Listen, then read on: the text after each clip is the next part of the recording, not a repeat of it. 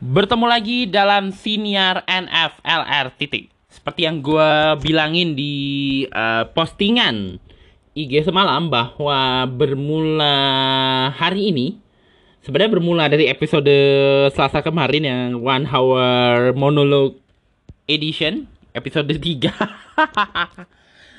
Uh, selama Januari ini mendekati musim kedua siniar NFL. Ya jelas uh, epis musim kedua dari dari siniar ini uh, yang akan bermula Februari ini uh, siniar ini akan hadir setiap Selasa, Kamis dan Sabtu. Uh, tiga kali seminggu membahas banyak hal yang menjadi keramaian. Bukan keramaian juga ya. Yang cukup ramai di pemberitaan dan lini masa berita dari minggu lalu yang kita bahas di minggu ini. Tentu kita mengambil sedikit uh, kontemplasi atas apa yang berlaku dan sedikit perspektif gua. Dan kali ini uh, siniar kali ini akan membahas mengenai uh, pemim salah satu dari pemimpin negara yang cukup berpengaruh di dunia Salah satu figur berpengaruh di dunia juga, Vladimir Putin, Presiden Rusia, dan pernyataannya mengenai penghinaan Nabi Muhammad yang ramai dibahas, terutama oleh kalangan-kalangan yang cukup dalam tanda kutip ya, peduli terhadap isu Nabi Muhammad tentang apa ya, menjaga kehormatan kesucian Muhammad. Dan juga cukup ramai lah di kalangan di berbagai kalangan. Yang jelas cukup ramai lah di lini masa dan masuk di pemberitaan. Yaitu mengenai pernyataan Presiden Putin, ini gue baca dari Asumsiko mengutip dari kantor berita TAS. Uh, Putin menilai menghina Nabi Muhammad sebuah pelanggaran kebebasan beragama. Uh, Presiden Rusia Vladimir Putin menilai penghinaan terhadap Nabi Muhammad bukan sebuah uh, kebebasan berekspresi, alih-alih kebebasan berekspresi, malah menurutnya itu adalah sebuah pelanggaran kebebasan beragama. Ini pernyataan yang di, kantor berita TAS. Penghinaan terhadap Nabi dalam hal ini dalam tanda kutip Muhammad adalah pelanggaran kebebasan beragama dan pelanggaran terhadap perasaan orang-orang Muslim. Ini menurut Putin dan dia mengungkapkan uh, kemarahannya perihal munculnya ka, munculnya kartu Nabi Muhammad yang diterbitkan oleh media satir uh, Charlie Hebdo dan insiden pembunuhan seorang guru di Prancis. Putin juga mengatakan tindakan penghinaan terhadap sesuatu itu bisa menimbulkan pembalasan dari kelompok ekstrim yang mengatasnamakan uh, agama. Dalam hal ini dia uh, memberi contoh apa yang disampaikannya yang peristiwa yang menjadi alasan dia sangat marah dengan hal tersebut yaitu uh, penyerangan. Seperti yang kita tahu ada pada sekitar lima tahun yang lalu ada beberapa penyerangan yang terjadi di Prancis yang berkaitan dengan uh, gambar atau bagian-bagian uh, yang dianggap menghina uh, Rasulullah SAW salah satu figura Muslim yang cukup berpengaruh untuk kita semua yang beragama Islam tentunya dan cukup berpengaruh bagi dunia. Sesuatu yang menjadi alasan kenapa Michael Hart menulis dia sebagai salah satu di antara pemimpin berpengaruh dunia sepanjang masa. Lebih tepatnya tokoh yang berpengaruh di dunia dan dibukukan dan itu menjadi kontroversi. Uh, lanjut, uh, lanjutnya Putin juga mengatakan tindakan peng uh, maksudnya walaupun begitu ia sangat menjunjung tinggi kebebasan artistik tapi ia menegaskan kebebasan artistik juga memiliki batasan dan tidak boleh melanggar kebebasan lainnya. Dan ini menurut pendapatnya sebagai pemimpin Rusia, negaranya telah berkembang menjadi negara multi etnis yang rakyatnya terbiasa menghormati dan menghargai tradisi masing-masing individu. Dalam hal ini dia mengatakan ada satu pernyataan menariknya yaitu mereka yang dalam hal ini orang-orang yang menghina dalam hal ini mereka-mereka ini dia tidak tahu siapa ya dimas dia nggak menyebut siapa secara spesifik orang-orang yang bertindak sembarangan menghina hak dan perasaan orang beragama harus selalu ingat akan ada reaksi balik yang tak terhindarkan tapi di sisi lain kita ini nggak boleh agresif. Yang dimaksud oleh Putin adalah mereka yang melakukan penghinaan. Uh, dalam hal ini kan konteksnya adalah orang-orang yang menghina Nabi Muhammad. Selalu ingat, ada orang-orang yang akan memberi reaksi balik yang tak terhindarkan. Dalam hal ini kelompok-kelompok uh, ekstrim Islam. Tetapi seharusnya hal ini tidak boleh ditanggapi secara ya secara kekerasan gitu ya seperti apa yang dialami oleh beberapa staff Charlie Hebdo yang apa ya menjadi mangsa pembunuhan pada 2015 lalu seperti yang kita tahu tepatnya pada 7 Januari 2015 ada sejumlah tiga orang uh, bermasker memasuki kantor redaksi Charlie Hebdo dan melakukan penembakan terhadap sejumlah orang Ya bisa dikatakan staff yang ada di situ.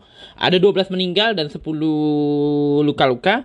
Dan peristiwa penyerangan ini disifatkan sebagai serangan terhadap terorisme yang membuat uh, dunia bersimpati. Terutama terutama kaum jurnalis. Karena waktu uh, Charlie Heb yang diserang adalah kantor media ketika itu.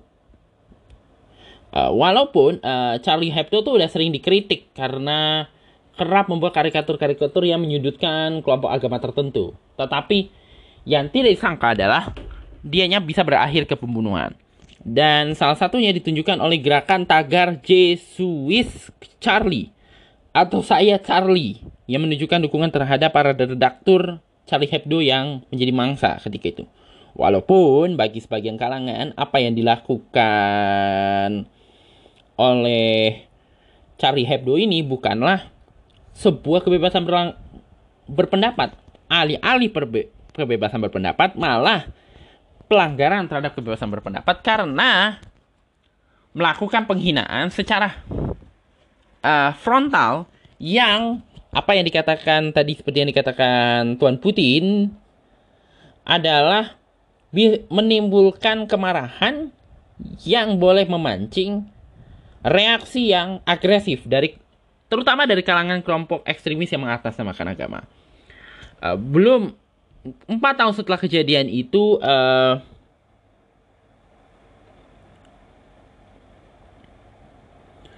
pada 17 atau apa ya? Pada tanggal 16 uh, eh, Oktober 2020, seorang guru bernama Samuel Petty uh, telah dibunuh, lebih tepatnya dipenggal oleh oleh se oleh seseorang yang dikatakan uh, orang tua daripada murid tersebut setelah muridnya dikatakan tersinggung, dikatakan tersinggung karena uh, gurunya ini ingin menunjukkan kartun Nabi Muhammad, memamerkan kartun Nabi Muhammad, dan karena anaknya bilang begitu, orang tuanya tersinggung, lalu melakukan pemenggalan terhadap yang bersangkutan. Uh, pada 16 Oktober 2020 di kawasan pinggiran ibu kota Prancis. Pelaku pembunuhannya sendiri adalah uh, remaja Chechen bernama Abdullah Anzorov di berusia 18 tahun yang ditembak mati polisi ya atas yang merespon kasusnya dalam insiden di Conflans Saint uh, Honorin. Ya, Honorin. Sementara uh,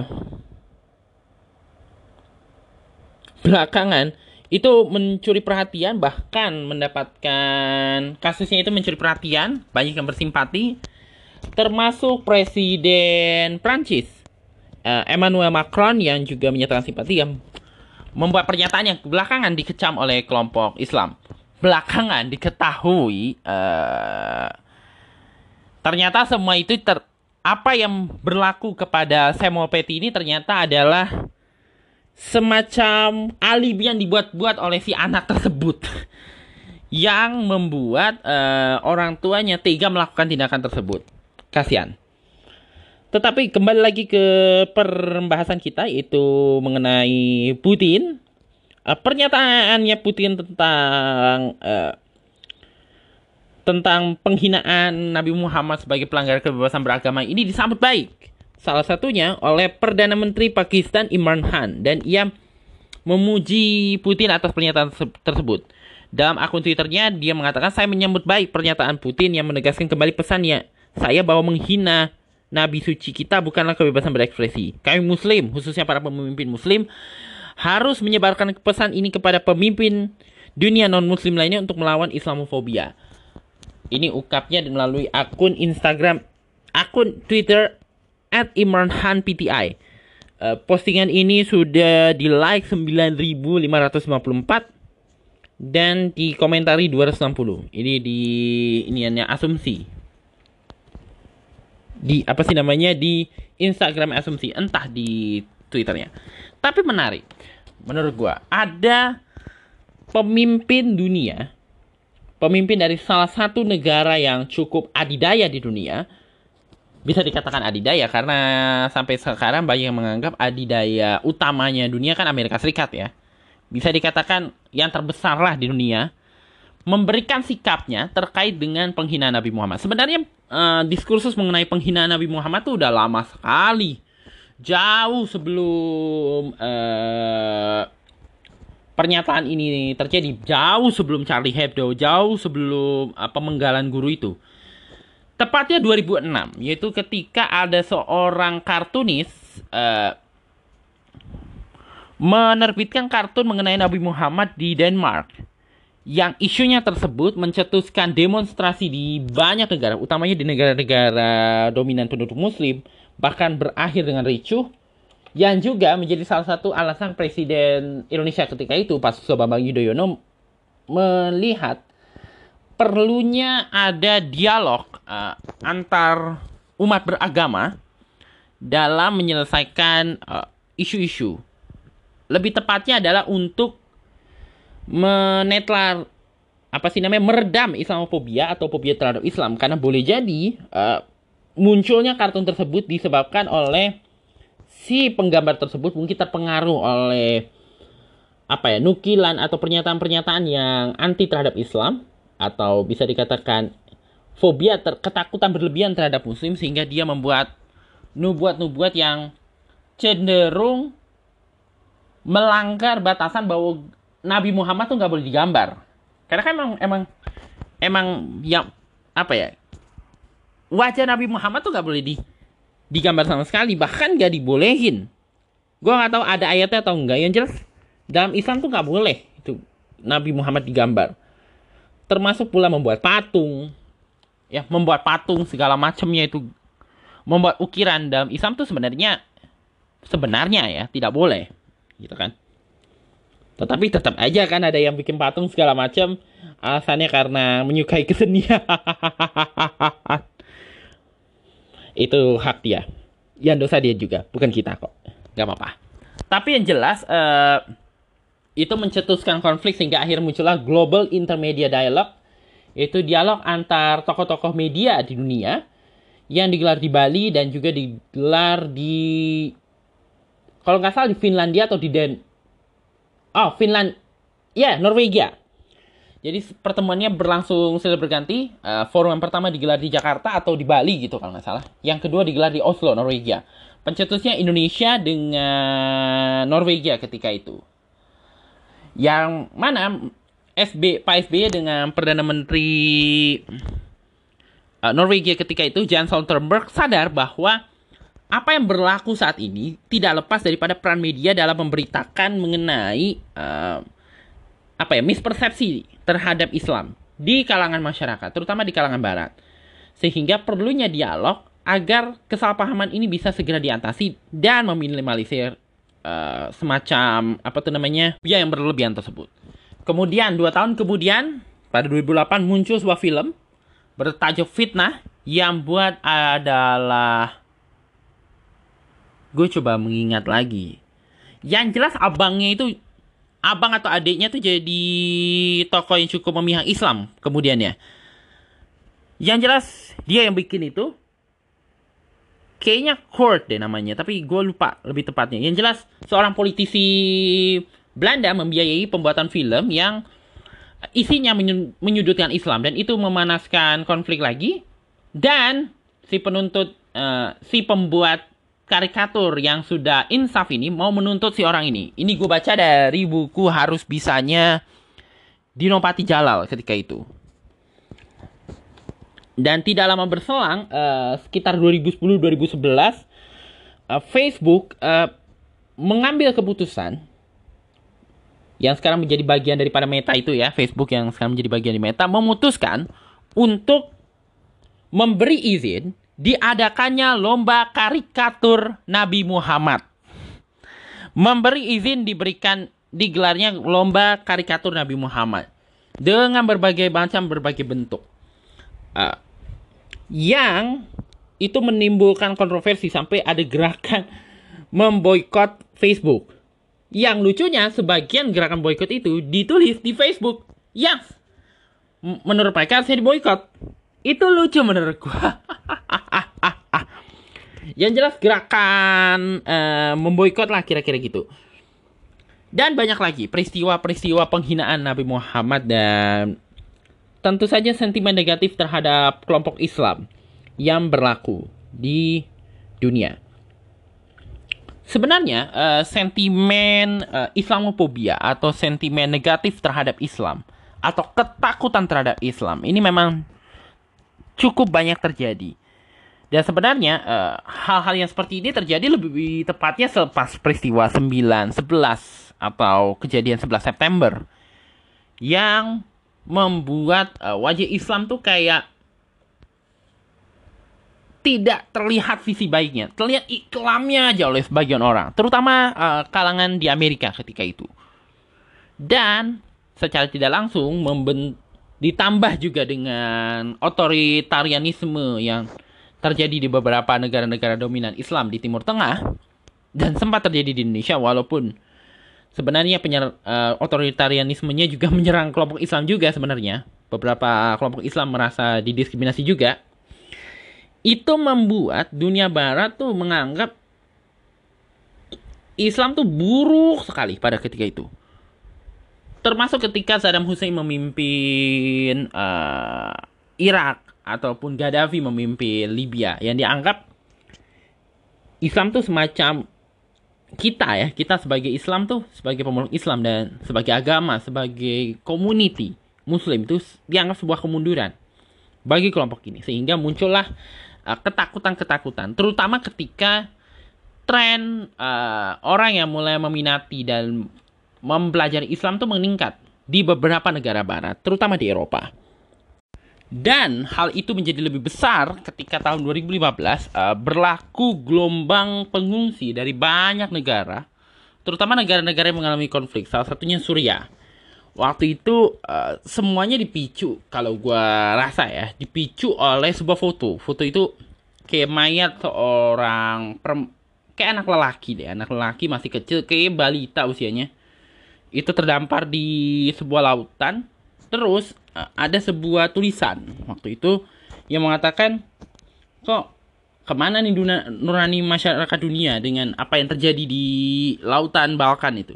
Yang akhirnya menggerakkan desakan banyak orang, banyak pihak supaya beberapa negara mempertimbangkan pembukaan perbatasan untuk memberi peluang warga-warga pengungsi untuk bisa bisa masuk ke negaranya bagi menghindari konflik. Yang akhirnya membuat banyak negara menerima mereka. Salah satunya Jerman yang dipimpin di bawah pimpinan Merkel yang membuka kesempatan luas bagi pengungsi Syria untuk masuk ke sana yang menjadi salah satu alasan kenapa uh, majalah Time ketika itu memberikan penghargaan tokoh tahun ini kepada Merkel. Dan sebenarnya uh, isu mengenai Islamofobia sendiri dan penghinaan terhadap Muhammad itu ada faktor yang menyebabkannya, terutama yang terjadi di dunia barat. Dan sebenarnya udah lama Islamofobia itu dari zaman Rasulullah dan bahkan terjadi juga di abad pertengahan. Gue dulu pernah denger apa ya? Dan bukan hanya dilakukan oleh uh, non muslim saja gitu oleh orang barat saja. Bahkan di luar negara barat juga terjadi. Misalnya apa yang terjadi di China terhadap warga Xinjiang? Yang boleh dikatakan juga meskipun sebenarnya China mengatakan China ya dalam hal ini mengatakan apa yang mereka lakukan untuk memberantas terorisme tetapi nggak bisa dinafikan tindakannya termasuk Islamophobia gitu. Memasukkan orang-orang ke kamp konsentrasi itu sesuatu yang aneh buat gue. Terus juga di Amerika Serikat itu hampir sering terjadi. Salah satu yang paling terkenal banget yang gue inget banget itu tahun 2015 ada seorang murid lelaki Muslim. Ini double minoritas lagi, bisa dikatakan double minoritas, Muslim dan juga dari kelompok kulit hitam. Dia ikut kelas sains gitu, terus dia memperkenalkan produk sainsnya. Nah, produk robotnya itu dibilang barang rakitan, rakitan bom yang akhirnya dia telepon orang, dia pakai baju NASA. Dia telepon polisi, polisi uh, pro, ba, membawa dia ke kantor polisi. Terus dia beri penjelasan yang ini yang segala macam yang sebenarnya itu robot bukan barang rakitan yang dikira bom. Tetapi bisa dikatakan apa yang terjadi itu boleh boleh dikatakan ketakutan juga gitu karena ada pandangan bahwa barang-barang tertentu nggak boleh dikuasai oleh kelompok tertentu. Itu salah satu sentimen yang muncul di Amerika. Ya tipis-tipis kayak Pak Habibie yang nggak dibolehin yang proyek lebih tepatnya sih proyek uh, proyek pesawat militernya diaman dimusahin sama pemerintah Jerman karena orang luar harusnya nggak boleh mengakses proyek sedemikian yang dimiliki pemerintah Jerman Barat ketika itu. Ya agak mirip, cuma bedanya hanya karena dia muslim, terus rakitannya dianggap aneh gitu. Yang justru membuat dunia bersimpati kepada dia, juga kalangan muslim di Amerika bersimpati, bahkan NASA menghubungi anak ini untuk ikut proyeknya. Nah, ada beberapa faktor, ini gue baca di Republika, ada beberapa faktor yang membuat kenapa Islamophobia boleh terjadi di dunia barat gitu. Salah satunya di Al-Qur'an Allah semua wa ta'ala semua wa ta'ala dalam sukur dalam Al-Baqarah ayat 120 pernah bilang bahwa sampai kiamat pun orang-orang luar Islam tanpa bermaksud untuk menghina teman-teman kita yang Yahudi dan Nasrani agak sukar untuk menerima Islam. Agak sukar Makanya ada satu ayat kalau nggak salah, gue nggak tahu di ayat al, ada satu ayat yang katanya mereka coba untuk memadamkan cahaya agama Allah, tetapi Allah terus menyempurnakan cahaya itu walaupun mungkin mereka membencinya. Mungkin ini yang dimaksud gitu. Bahwa mungkin sampai kapan pun mereka apa ya istilahnya kayak sukar menerima Islam. Dan Kan ini konteksnya adalah penghinaan terhadap Nabi Muhammad. Banyak banget uh, penghinaan terhadap Nabi Muhammad yang diabadikan dalam Al-Quran. Dituduh, misalnya dituduh sebagai penyair, dukun, tukang sihir, orang gila. Terusnya dikatakan gak perlu makan, gak perlu menikah. Dan sebagainya. Banyak banget deh. Dan fak itu tadi faktor pertama, yaitu... Uh, tentang kesukaran menerima Islam dan penghinaan yang membuat penghinaan terhadap Nabi Muhammad tuh luar biasa. Termasuk gue dulu pernah ya ngomong masa penghinaan terhadap Nabi, Muhammad, gue pernah denger dulu tuh banyak yang ben, ada kayak kot, antara khotbah atau apa gitu yang menghina Nabi Muhammad sebagai tukang kawin. Padahal sebenarnya dalam Islam tuh fakta faktualnya adalah Nabi menikahi beberapa perempuan itu sebenarnya adalah yang gue dengar ya adalah untuk memerdekakan budak bukan untuk poligami gitu. Salah satu yang juga menjadi digunakan sebagai salah satu alasan untuk Islamofobik terhadap Islam dan terhadap Nabi Muhammad. Faktor kedua yang membuat kelompok Barat sebagian warga Barat walaupun tidak semuanya ya itu agak berpersepsi negatif terhadap Islam kalau kita nggak mau menggunakan istilah membenci ya. Katanya Islam itu adalah tantangan ideolo bagi ideologi yang bertentangan dengan prinsip ateis. Ini dikatakan oleh Nakwib al atas bukunya Islam and Secularism. Bukan hanya kelompok Nasrani di Barat yang merasa tertantang dengan kehadiran Islam, tetapi juga kelompok-kelompok yang memegang prinsip-prinsip Aristotelanisme dan epistemologi serta dasar-dasar filosofi yang diwarisi pemikiran Yunani dan Romawi. Dan karena unsur-unsur ini membentuk pemikiran barat, Islam dianggap tidak sejalan. Jadi mereka mencari cara banyak cara supaya Islam ini jangan sampai kelompok Islam ini mempenetrasi masyarakat barat, kira-kira gitu. Dan salah satunya Dr. Bas Basim Khafaji pernah bilang bahwa ada kelompok-kelompok di barat yang melihat Muhammad membuat pemaham menyempat membawa sebuah pemahaman yang dikatakan mungkin boleh memporak-porandakan pemikiran yang sudah terbentuk di barat selama bertahun-tahun yang salah satu di antaranya yaitu mengesahkan Allah atau dikatakan sentralisasi Allah SWT dalam kehidupan manusia yaitu ajaran apa yang kita sebut dengan ajaran keesaan Allah atau Tuhan yang Maha Esa lah istilahnya gitu. Dan berikutnya salah satu salah satu faktornya tentu saja adalah isu terorisme.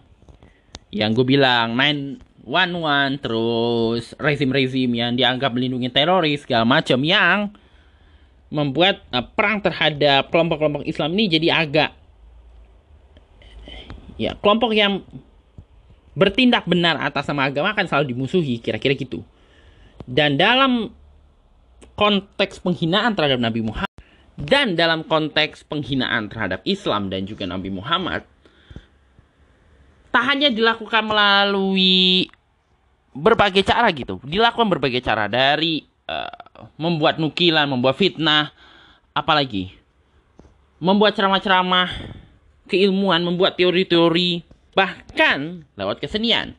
Tujuannya tidak lain, tidak bukan untuk mendekati kelompok-kelompok yang paling empuk, yaitu kelompok anak muda. Terutama anak muda muslim, dan juga anak muda pada umumnya. Sehingga yang muslim diharapkan bisa apa ya bisa menjauh daripada konteks keislaman atau menjauh daripada ajaran agamanya Sedangkan yang kelompok di luar ini didorong agar makin menjauh gitu. Gak usah mendekat-dekat ini agama bla bla bla bla segala macam. Dan parahnya kebanyakan yang melakukan ini mengatasnamakan kebebasan berpendapat. Padahal kebebasan berpendapat itu yang gue tahu ya, dia juga bukan berarti sembarang berpendapat gitu. Kebebasan berpendapat itu bukan hanya jadi milik satu golongan aja, milik semua tanpa terkecuali termasuk gak kira dia itu muslim, nasrani, apalagi Hindu, Buddha, Konghucu, apalagi penyembah kaleng kerupuk. ya Allah, penyembah kaleng kerupuk. Semua punya hak gitu loh dalam menyatakan pendapatnya sesuai dengan keyakinannya, sesuai dengan apa yang dia tahu, sesuai dengan apa yang dia percayai. Gak bisa semena-mena. Apa ya istilahnya? Cuma gue yang bisa ngomongin kaum elu. Gitu kan? Atau cuma kaum kami yang bisa menjelaskan atau merasa paling objektif menilai kaum kalian gitu. Semua punya hak untuk menyatakan bahwa apa ya? Kami punya perspektif tersendiri. Setiap orang punya perspektif yang berbeda. Jangankan satu kaum, semua orang juga punya isi kepala yang berbeda-beda yang bisa menghasilkan pendapat yang berbeda-beda. Dalam konteks uh, penghinaan Nabi Muhammad, boleh dikatakan apa yang dikatakan Putin itu betul. Gak bisa apa ya? Sebuah nukilan, sebuah seni, sebuah pernyataan yang menyudutkan seorang yang cukup diagungkan dalam oleh umat Islam bisa dikatakan sebagai hak sebagai sebuah perayaan kebebasan beragama. Seperti ini aja deh, menganggap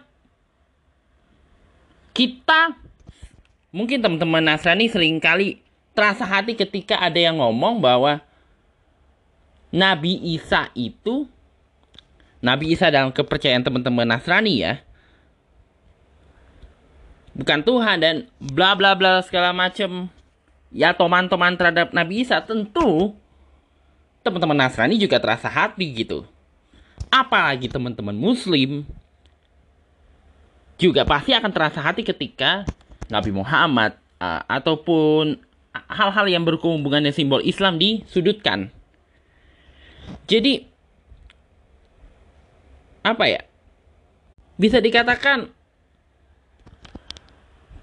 ya alih-alih merupakan kebebasan berpendapat malah melanggar sensitivitas, justru menabrak sensitivitas.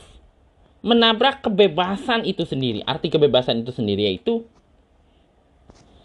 menyatakan pendapat itu dengan seluasnya tetapi juga kebebasan seperti yang dikatakan Putin juga mengandung tanggung jawab. Kita mau nggak bertanggung jawab atas apa yang kita katakan gitu. Ya kita bebas aja gitu ngomong bla bla bla bla segala macam, tapi kita mau nggak menanggung itu.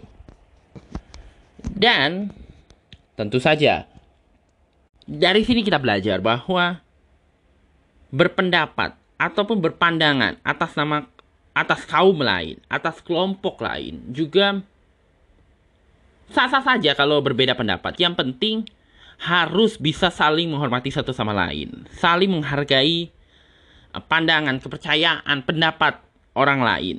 Dan tentu saja menghormati sensitivitas, menjaga perasaan itu jauh lebih penting. Sehingga tidak terjadi gesekan baik itu antar kelompok atau tak kira itu antar suku, antar agama, antar golongan yang boleh mengganggu siklus kehidupan masyarakat. Sesuatu yang juga perlu disadari juga oleh pelaku uh, media pada hari-hari ini. Nggak kira itu media mainstream maupun media yang alternatif, apalagi media-media kewargaan seperti citizen journalism, senior, apalagi youtuber, semua memiliki tanggung jawab juga dalam menjaga memastikan kebebasan berekspresi itu tidak melanggar norma-norma yang berlaku di masyarakat dan tidak menyentuh sensitivitas kaum, agama, dan sebagainya. Sesuatu yang juga menjadi PR besar untuk kita semua, termasuk gue sendiri sebagai pesinian.